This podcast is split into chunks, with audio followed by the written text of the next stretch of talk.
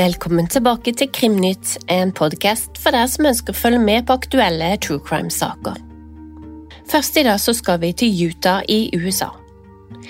I mars 2022 så fant Corey Richens sin mann livløs og kald i senga. Paret hadde vært gift i ni år og hadde tre sønner på fem, syv og ni år. Begge var mormoner og hadde tilsynelatende et perfekt familieliv. Corey flippa hus, og mannen Eric Ritchen drev et vellykka murfirma. Eric Ritchen var en familiemann og trente guttenes fotballag. Han hadde også tidligere jobba som misjonær. 4. mars 2022 så dør han altså i sin egen seng. Familien hadde feira at Corey hadde fått en stor husdeal, og hun serverte sin mann en Moscow Mool til rommet deres. Selv måtte hun forlate festen med mannen sin og gå ned til en av sønnene som hadde mareritt. Da hun kom tilbake rundt tretiden om natta, fant hun sin mann kald og livløs. Hun ringte da 911, og de fant ham på gulvet ved enden av senga. I fire måneder jobba Corey med en barnebok hun skrev sammen med sønnene sine. Hun gjør et intervju på Good Things Utah, ABC4, og forteller at hun skrev boken slik at de kunne takle sorgen bedre. Hun baserte boken på tre hovedpunkter – connection, continuity og care. Bare et par måneder etter ble Corey arrestert. Obduksjonen viste nemlig at Eric hadde store mengder med fentanyl i systemet.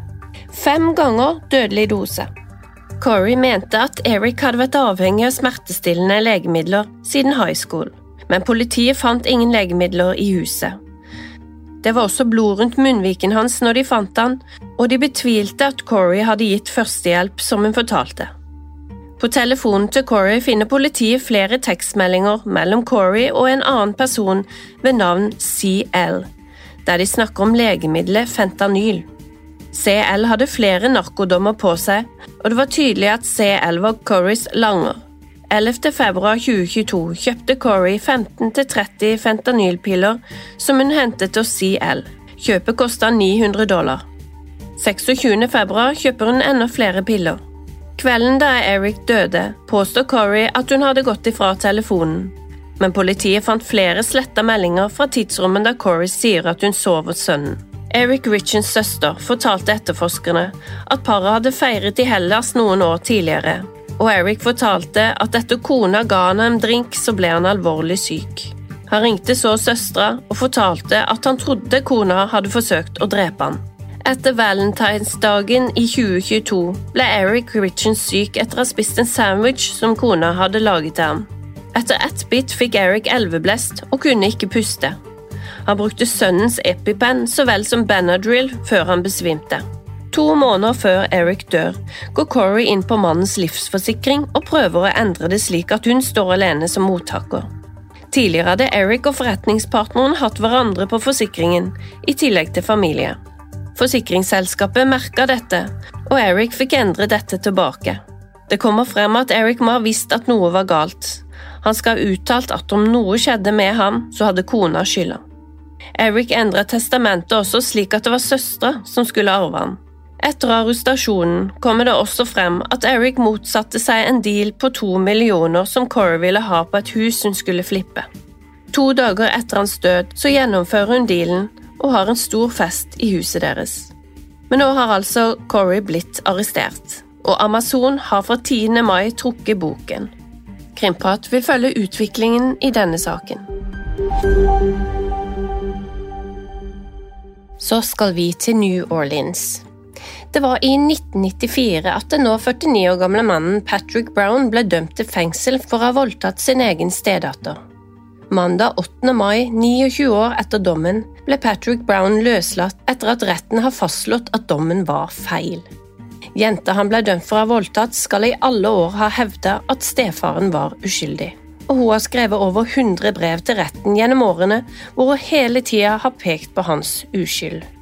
Patrick ble i 1994 dømt på grunnlag av et vitnemål fra andre voksne som hevda at den lille jenta hadde sagt ting.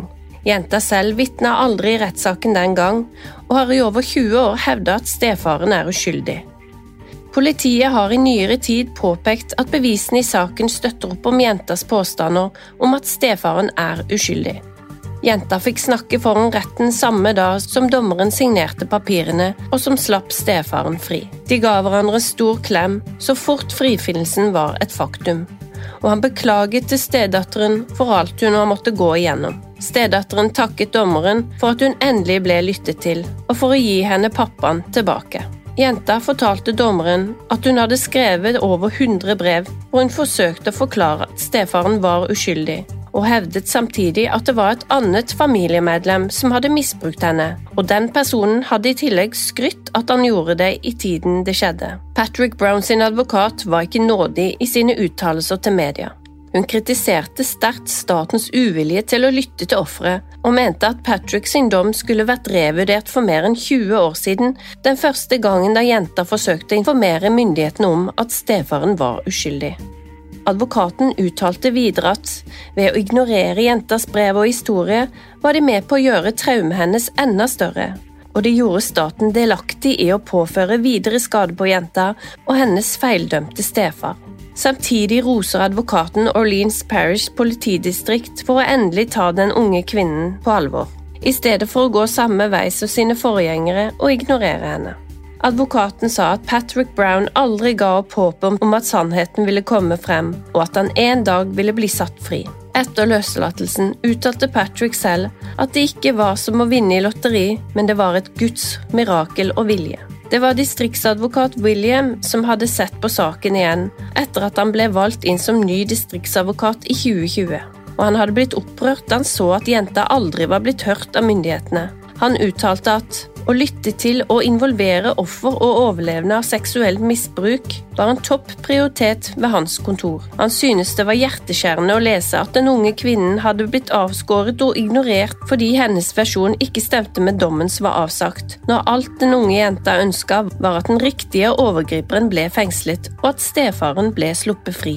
Selv om den rette avgjørelsen har kommet, og det selvsagt er noe å feire og være glad for, så vil det aldri gjøre godt igjen for de 29 årene med tap og savn som Patrick Brown, hans stedatter og familien har gjennomgått. Den gangen rettssaken gikk, ønsket påtalemyndighetene at den da syv år gamle jenta skulle vitne, men hun ble tatt ned fra vitneboksen etter at hun begynte å blø neseblod da hun fikk spørsmål om hun forsto konsekvensen av å lyve i retten. Hun fikk aldri muligheten til å vitne igjen. I stedet ble vitnemålet fra andre voksne lagt til grunn, som nå, i 2023, ble lagt til side som ikke-bevis og som hearsay. Patrick Brown har tilbrakt sine første dager i frihet sammen med familie og stedatteren for å ta igjen tapt tid. Selv sier han at det vanskeligste har vært å lære seg den moderne teknologien som har utviklet seg på de 29 årene han urettmessig har tilbringt i høysikkerhetsfengselet. I Krimprat med Lisa Fiona fra april i 2022 så hadde vi en episode om forsvinningen av Susanne Morphew. 10. mai 2020 så ble 49 år gamle Susanne Morphew fra Micewell, Colorado meldt savna. Denne søndagen feirer amerikanerne morsdag, og når tenåringsbarna Macy og Mallory ikke får tak i henne på telefon, så ble de bekymra og ringte naboen. Barry Morphew, Susannes ektemann, var på jobb i Denver, og døtrene var på leir en time unna. Naboen gikk over for å se om Susanne var hjemme, og Barry sa at naboen måtte se om sykkelen var der.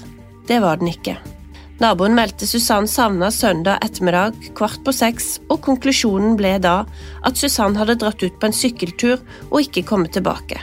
Macewell, Colorado har i underkant av 150 innbyggere, og huset de bodde i var en svær villa omgitt av fjell og kratt. Søket starta umiddelbart med droner, hunder, på fjell og i elva, men Susann ble ikke funnet.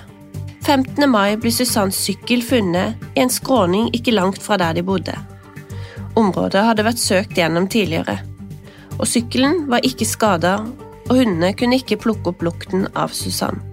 Etter at Barry, ektemannen, går ut med en video som minner mye om Chris Watts måte å snakke på, og når forklaringene fra ektemannen ikke gir mye mening, så er det han politiet setter søkelyset på. Det kommer også frem at Susann hadde et annet forhold, og at hun mest sannsynlig ville forlate ektemannen. Så 5. mai 2022 så blir Barry arrestert. Dommeren mener likevel at bevisene ikke holder mot Barry, og han blir sluppet ut igjen. Nå, 5. mai 2023, ett år etter han ble arrestert, så anlegger han et føderalt søksmål med påstand om at den nå henlagte straffeforfølgelsen krenker hans konstitusjonelle rettigheter. Barry Morphew, som nå er 55 år, søker 15 millioner dollar for det han sier var en ondsinna straffeforfølgelse i konas forsvinning. Morphew hevder i den 185 sider lange klagen at myndighetene konspirerte for å feilaktig arrestere han. De fabrikkerte bevis, skjulte bevis og gjennomførte en hensynsløs etterforskning som førte til at Morphew feilaktig ble holdt i fengsel og tiltalt. Jeg vil anbefale at du går inn og hører denne episoden i Krimprat med Lise og Fiona. Den ligger på åpent der du hører podkast, og dette er episode 65. Susann er ennå ikke funnet, og det blir spennende å se om Barry vil vinne dette saksmålet. Det var alt vi hadde denne uka. Dere får ha en nydelig 17. mai, og vi høres igjen neste uke.